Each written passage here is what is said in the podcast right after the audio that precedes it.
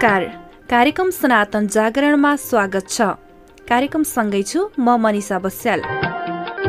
तपाईँ यो कार्यक्रम रेडियो मुक्ति पन्चानब्बे थुप्लो पाँच मेगाहसको रेडियो सेटमा पर्दछै इन्टरनेट अनलाइनमा W W W dot radio Mukti dot ORG र मोबाइल एप्लिकेसनको हाम्रो पात्रमा रेडियो मुक्ति बुटोल सर्च गरेर विश्वभरेकै साथ सुन्न सक्नुहुन्छ कार्यक्रम सनातन जागरण विश्व हिन्दू महासङ्घ जिल्ला शाखा रूपन्देही र रेडियो मुक्तिको सहकार्यमा प्रत्येक महिनाको पच्चिस गते बिहान छ तिस बजेदेखि सात बजेसम्म र पुनः प्रसारण छब्बिस गते बिहान छ तिस बजेदेखि सात बजेसम्म सुन्न सक्नुहुन्छ र सुन्दै आइरहनु भएको छ आउनुहोस् कार्यक्रम सनातन जागरणमा रहेर कार्यक्रमको सुरुवात गरौँ यो राष्ट्रगीतबाट बिहान उठ्ने बित्तिकै हिमाल देख्न पाइयोस्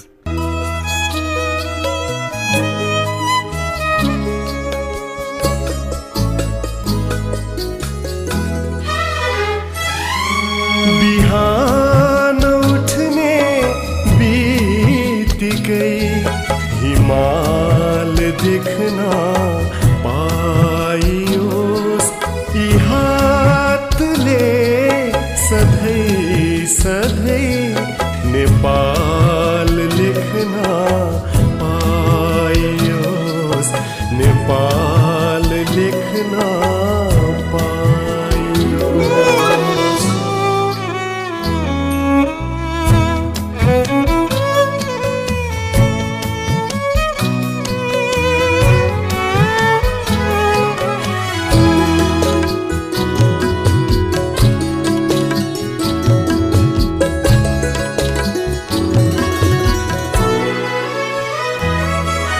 नेपाली श्रमरा सिपको प्रवाह दिगन्त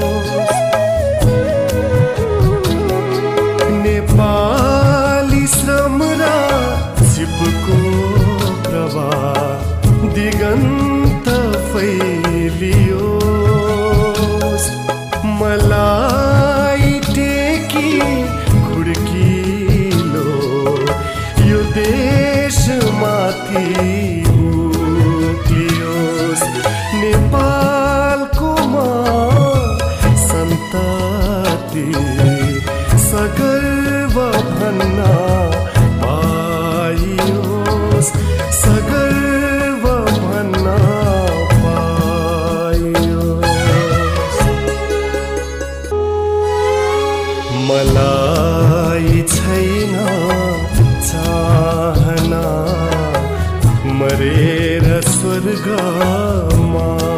पुगौ मलाई छैन चाहना मरेर स्वर्ग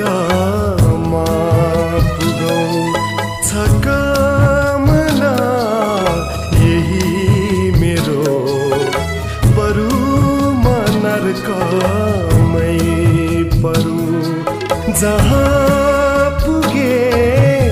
पनि तर नेपाली भेट्न पाइयोस् नेपाली भन्न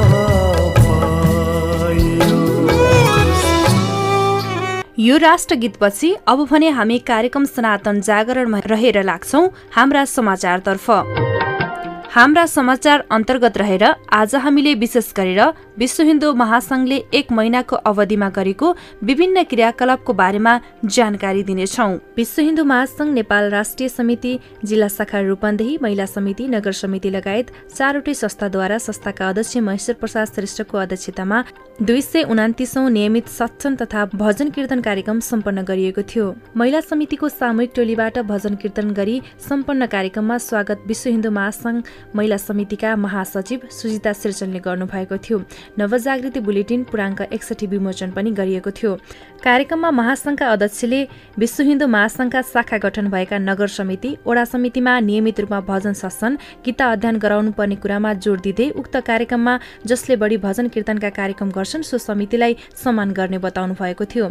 आदर्श महिला धार्मिक समूहको अध्यक्ष सोह्रौँ साधारण सभा तथा पाँचौँ अधिवेशनबाट अध्यक्ष पदमा निर्विरोध निर्वाचित हुनुभयो भएकोमा अम्बिका पौडेल छेत्रीलाई सफल कार्यकालको शुभकामना दिँदै अध्यक्षबाट खादा टिका लगाई सम्मान गरिएको थियो सो कार्यक्रममा बोल्दै विश्व हिन्दू महासंघका उपाध्यक्ष प्राध्यापक डाक्टर बाबुराम गेवालीले नियमित शासनमा उपस्थित हुनाले आत्मशुद्धि हुने बताउनुभयो बुटुल नगर समितिका अध्यक्ष चन्द्रमान श्रेष्ठले मकर संक्रान्ति र सत्सङ्गको बारेमा शुभकामना मन्तव्य व्यक्त गर्नुभएको थियो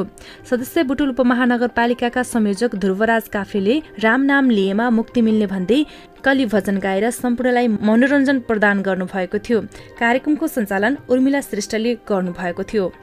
त्यसै गरी विश्व हिन्दू महासङ्घ जिल्ला शाखा रूपन्देही र लुम्बिनी बचत तथा ऋण सहकारी संस्थाको संयुक्त आयोजनामा वसन्त पञ्चमी एवं सरस्वती पूजा आराधना गरी मनाइएको थियो विश्व हिन्दू महासङ्घ जिल्ला शाखा रूपन्देहीका अध्यक्ष तथा संस्थाका सदस्य र भक्तजनहरूको उपस्थितिमा कार्यक्रम सम्पन्न भएको थियो कार्यक्रममा महासङ्घका अध्यक्षले लुम्बिनी बचत तथा ऋण महिला उपसमितिबाट उद्यान निर्माण गरी विश्व हिन्दू महासङ्घबाट सरस्वती माताको मूर्ति स्थापना गरी र कर्मयोगी समाजसेवी गणेशमान सैजुबाट तुलसी मोठ स्थापना गरी प्रत्येक वर्ष बसन्त पञ्चमीको दिन पूजा गरिने बताउनुभयो उक्त कार्यक्रममा विश्व हिन्दू महासंघका उपाध्यक्ष डाक्टर बाबुराम गेवालीले सरस्वती माताको मन्त्र बारेमा चर्चा गर्दै सरस्वती माताको महिमा बताउनु भएको थियो कार्यक्रममा विश्व हिन्दू महासंघका वरिष्ठ उपाध्यक्ष बेनबहादुर पौडेल छेत्री सचिव त्रिविक्रम श्रेष्ठ सहसचिव सुजिता सिर्जन सदस्य अर्जुनमान सैजु रञ्जित सिर्जन सृजना सैजु मिश्रा श्रेष्ठ बुटोल नगर समिति उपाध्यक्ष चन्द्रमान श्रेष्ठ तेजनिधि शर्मा पौडेल विनोद प्रताप जवरा डाक्टर द्वारिका प्रधान लोकनाथ पाण्डे अमृतलाल श्रेष्ठ देवेन्द्र कुमार श्रेष्ठ कृष्ण नेपाने लगायतको उपस्थिति रहेको थियो कार्यक्रमको सञ्चालन उर्मिला श्रेष्ठले गर्नुभएको थियो त्यसै गरी नवजागृति पुस्तकालयलाई रूपन्देही सामाजिक सञ्जाल अस्ट्रेलियाद्वारा एक थान दराज प्रदान गरिएको छ सो संस्थाका अध्यक्ष मुक्तिराम पोखरेलद्वारा माघ एघार गते उक्त दराज प्रदान गरिएको थियो पुस्तकालयमा पुस्तकहरू सजावट र सुरक्षित रहन् भन्ने उद्देश्य राखेर दराज प्रदान गरिएको अध्यक्ष पोखरेलले बताउनुभयो यसै गरी विश्व हिन्दू महासङ्घ नेपाल जिल्ला शाखा रूपन्देही नवजागृति बहुद्देश्य सामाजिक भवन ट्रस्ट नवजागृति पुस्तकालय र श्री सिद्धबाबा दुर्गा भवानी शिवकुमारी सैजु वृद्धाश्रमको संयुक्त आयोजनामा नियमित बैठक तथा स्वागत सम्मान कार्यक्रम सम्पन्न भएको थियो कार्यक्रमका अध्यक्ष श्री महेश्वर प्रसाद श्रेष्ठले विश्व हिन्दू महासङ्घ एउटा आध्यात्मिक संस्था भएकाले धार्मिक सहिष्णुता सद्भाव सुख शान्ति हुने र अहिलेका युवा पिँढीहरूलाई नैरस्यता छाएकोले यिनीहरूलाई आध्यात्मिक चेतना जगाउन जरुरी भएको बताउनुभयो र संस्थाले गरेका गतिविधिहरूको बारेमा प्रश्न भएको थियो कार्यक्रमका प्रमुख अतिथि प्रहरी नायब परीक्षक श्री दानबहादुर थापाले देशमा घटेका विभिन्न घटनाहरूको बारेमा चर्चा गर्दै अहिलेका बालबच्चादेखि लिएर युवालाई नैतिक शिक्षाका साथै सामाजिक कार्यहरूमा लगाउन जरुरी भएको बताउनुभयो उक्त कार्यक्रममा बोल्दै थापाले भन्नुभयो राष्ट्र सेवक भएको नाताले सरकारले सबै नागरिकहरूलाई समान व्यवहार गर्न बताउनुभयो सोही कार्यक्रममा महासंघका अध्यक्षद्वारा प्रमुख अतिथि प्रहरी नायब परीक्षक बहादुर थापालाई मायाको चिनो सहित दोस्त लौडाई सम्मान गर्नु भएको थियो सो कार्यक्रममा बोल्दै विश्व हिन्दू महासंघका उपाध्यक्ष प्राध्यापक डाक्टर बाबुराम गेवालीले विश्व हिन्दू महासंघले सत्यको लागि काम गर्दै आएको भन्दै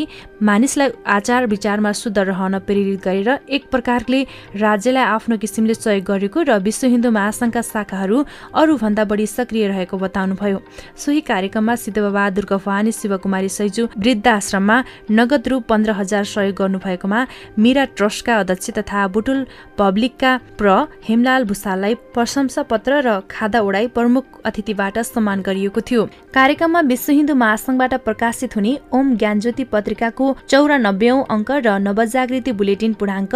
बैसठी प्रमुख अतिथिद्वारा विमोचन गरिएको थियो कार्यक्रममा ओम ज्ञानज्योतिका सम्पादक कृष्ण प्रसाद कोइरालाले वैदिक प्रार्थना गर्नुभएको थियो कार्यक्रममा विश्व हिन्दू महासंघका सचिव त्रिविक्रम श्रेष्ठ सुजिता सिर्चन जोगलाल बिक लेखनाथ पाण्डे भीमबहादुर श्रेष्ठ अरुण कुमार श्रेष्ठ इरादेवी थैव भगवती देवी सैजु हिरण्यलाल गेवाली दिलप्रसाद श्रेष्ठ चन्द्रमान श्रेष्ठ खिमप्रसाद पौडेल थानेश्वर उपाध्याय गणेश प्रसाद आचार्य लगायत सम्पूर्ण सदस्यहरूको उपस्थिति रहेको थियो अम्बिका पौडेल छेत्रीले स्वागत गर्नुभएको सो कार्यक्रममा सञ्चालन उर्मिला श्रेष्ठले गर्नुभएको थियो यी त भए विश्व हिन्दू महासंघ जिल्ला शाखा रूपन्देहीले एक महिनाभित्र गरेका गतिविधिहरूको बारेमा जानकारी अब भने कार्यक्रम सनातन जागरणमा रहेर लाग्छौ आजको विचारतर्फ आजको विचार अन्तर्गत रहेर श्लोक प्रस्तुत गर्दै हुनुहुन्छ पण्डित चक्रपाणी डुम्रे नमस्कार एवं शुभ प्रभात आदरणीय श्रोताबिन हामीले धेरैलाई विद्वान सम्झिन्छौँ ठुलो मान्छे सम्झिन्छौँ सच्चा ज्ञानी सम्झिन्छौँ वास्तवमा नीतिले कस्तो व्यक्तिलाई ज्ञानी भनेको छ कस्तो व्यक्तिलाई विद्वान भनेको छ शास्त्र पढेर अध्ययन गरेर मात्रै कोही विद्वान हुन सक्दैन विज्ञानको लागि हुनुपर्ने गुणको विषयमा बताइएको छ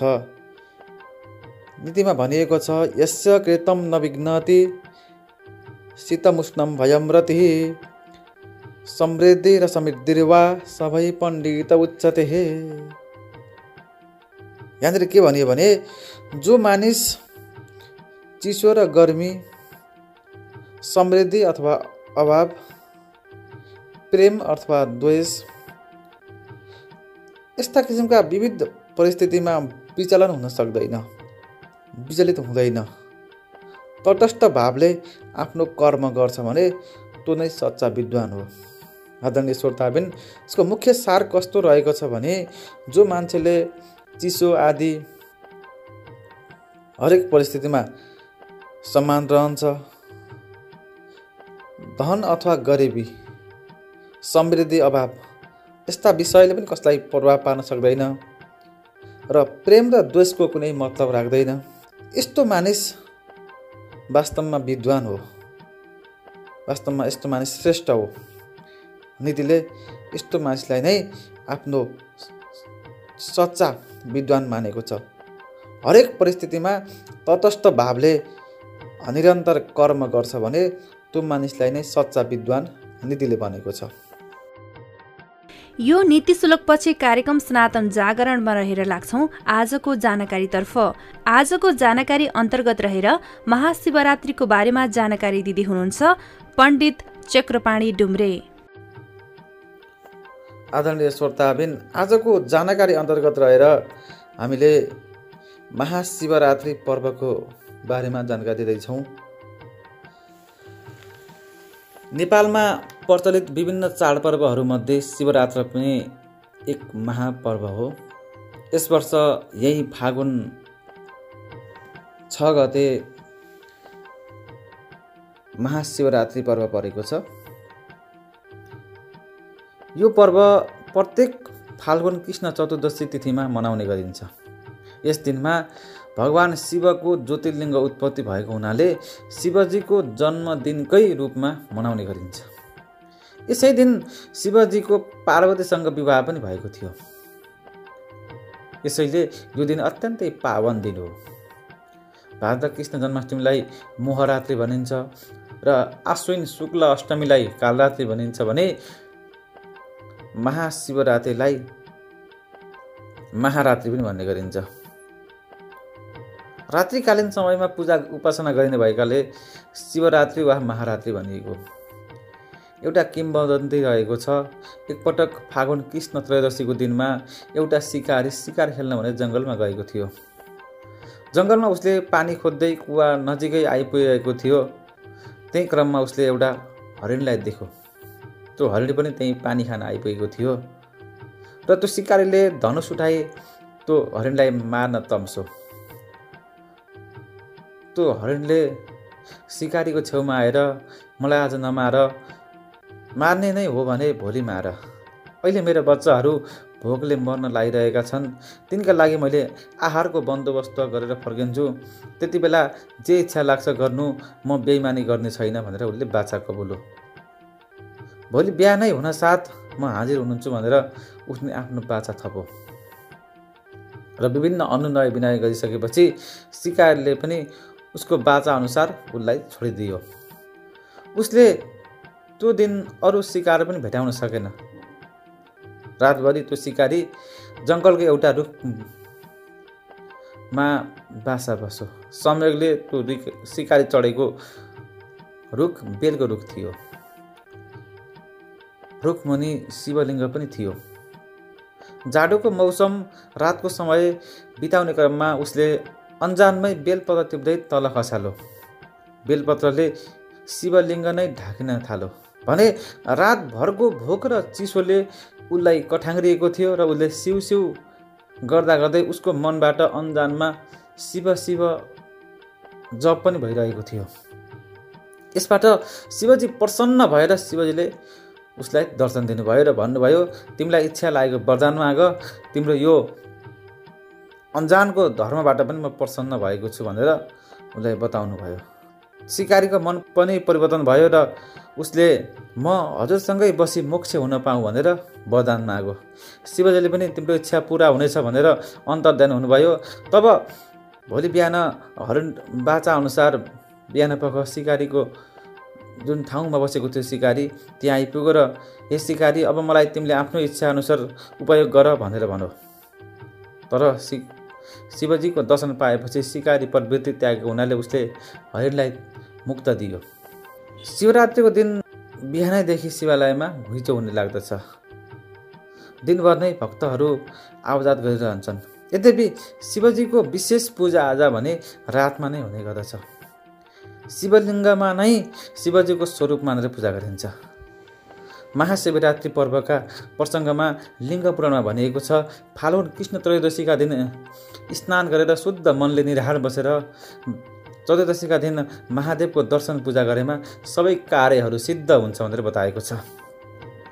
यसै मान्यताअनुसार पनि यो दिन महादेवको पूजाआजा गरिन्छ अविवाहित महिलाहरूले पनि असल पतिको कामना गरेर बस् व्रत बस्दछन् भने विवाहित महिलाहरूले पतिको सुस्वास्थ्य दीर्घायुको कामना गरेर बस्द बस्दछन् र अन्य भक्तजनहरूले पनि आफ्नो आफ्नो इच्छा कामना सिद्धि होस् भनेर मनोकामना राखेर व्रत पूजाहरू गर्दछन् प्रत्येक तिन घडी अर्थात् प्रत्येक तिन घन्टाको एक प्रहर हुँदछ रातभरमा जागराम बसी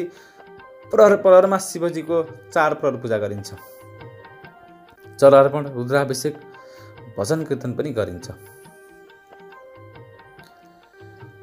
शास्त्रमा भनिएको छ अष्टादश पुराणेशु दशभिर गियाते शिव चतुर्भिर भगवान् ब्रह्मा द्वाभ्याम देवी तथा हरि यो स्कन्द पुराण भनिएको के भनिएको छ भने अठार पुराणहरूमध्ये दस पुराणमा शिवजीको चरित्र र स्तुति वर्णन गरिएको छ त्यस्तै चार पुराणमा ब्रह्माजीको र दुई पुराणमा देवीको र बाँकी रहेका दुई पुराणमा भगवान् विष्णुको वर्णन गरिएको छ यसर्थ शास्त्रमा पनि भगवान् शिवजीको स्थान अति विशिष्ट ढङ्गबाट रहेको देखिन्छ शिवपुराण लिङ्ग पुराण स्कन्द पुराण लगायतका विभिन्न पुराणहरूमा शिवजीको चरित्र वर्णन गर्दै शिव नै परम आदरणीय परमेश्वर र ब्रह्मा विष्णु महेश्वरका सारा स्वरूप नै भगवान् शिवजी नै रहेको स्पष्ट पारिएको छ भगवान् शिवजीको स्वरूप भनेको बाघको छाला लगाउनु भएको नाकको माला लगाउनु भएको हातमा डमरू त्रिशुल लिनुभएको श्मशानमा बस्ने वृषभमा चढ्ने विषवाङ धान्तुरो खाने दिगम्बर नन्दी भृङ्गीहरू श्रृङ्गीहरू साथमा रहने त्यस्तो स्वरूपको चिन्तन गरिन्छ र भगवान् शिवजीलाई भोले बाबा पशुपतिनाथ शङ्कर नीलकण्ठ महाकाल मृत्युञ्जय आशुतोष सर्वेश्वर लगायत विभिन्न नामहरूबाट सम्बोधन गरिन्छ भगवान् शिव विद्या र ज्ञानका पनि देवता हुनुहुन्छ शास्त्रमा भनिएको छ ईशान सर्वविद्या नाम अर्थात् शिव नै सबै विद्याको कारण हुनुहुन्छ र वास्तवमा शिवको अर्थ कल्याण हुन्छ आदरणीय श्रोताबिन शिव आशुतोष अर्थात् चाँडो प्रसन्न हुने देवता हुनुहुन्छ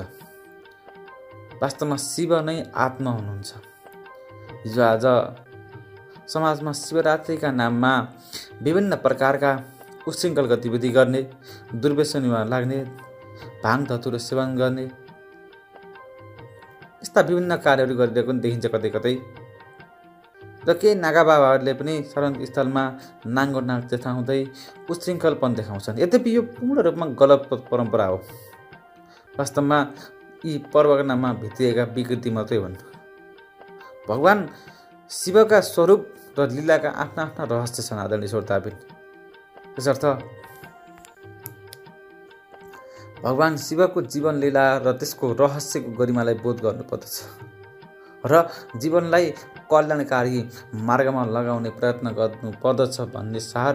शिवरात्रि मनाउनुको रहेको छ यो जानकारी पछि कार्यक्रममा रहेर लाग्छौँ यो लोकभजनतर्फ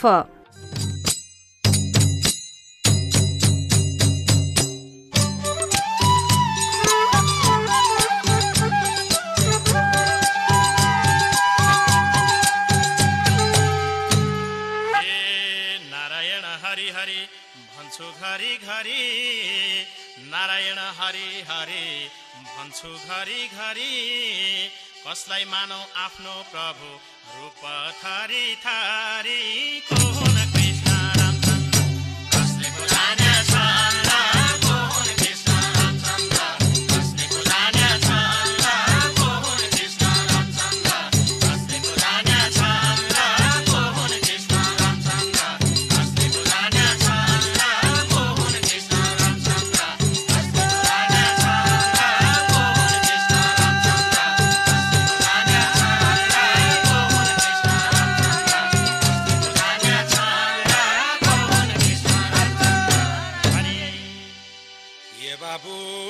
युग र त्रेतयुगका राम्रो कृष्ण थिए द्वापर युग र त्रेतयुगका राम्रो कृष्ण थिए अन्यायको विरुद्धमा लडे न्यायाधीलाई दिए राम राम बोला दिल बोला राम्रै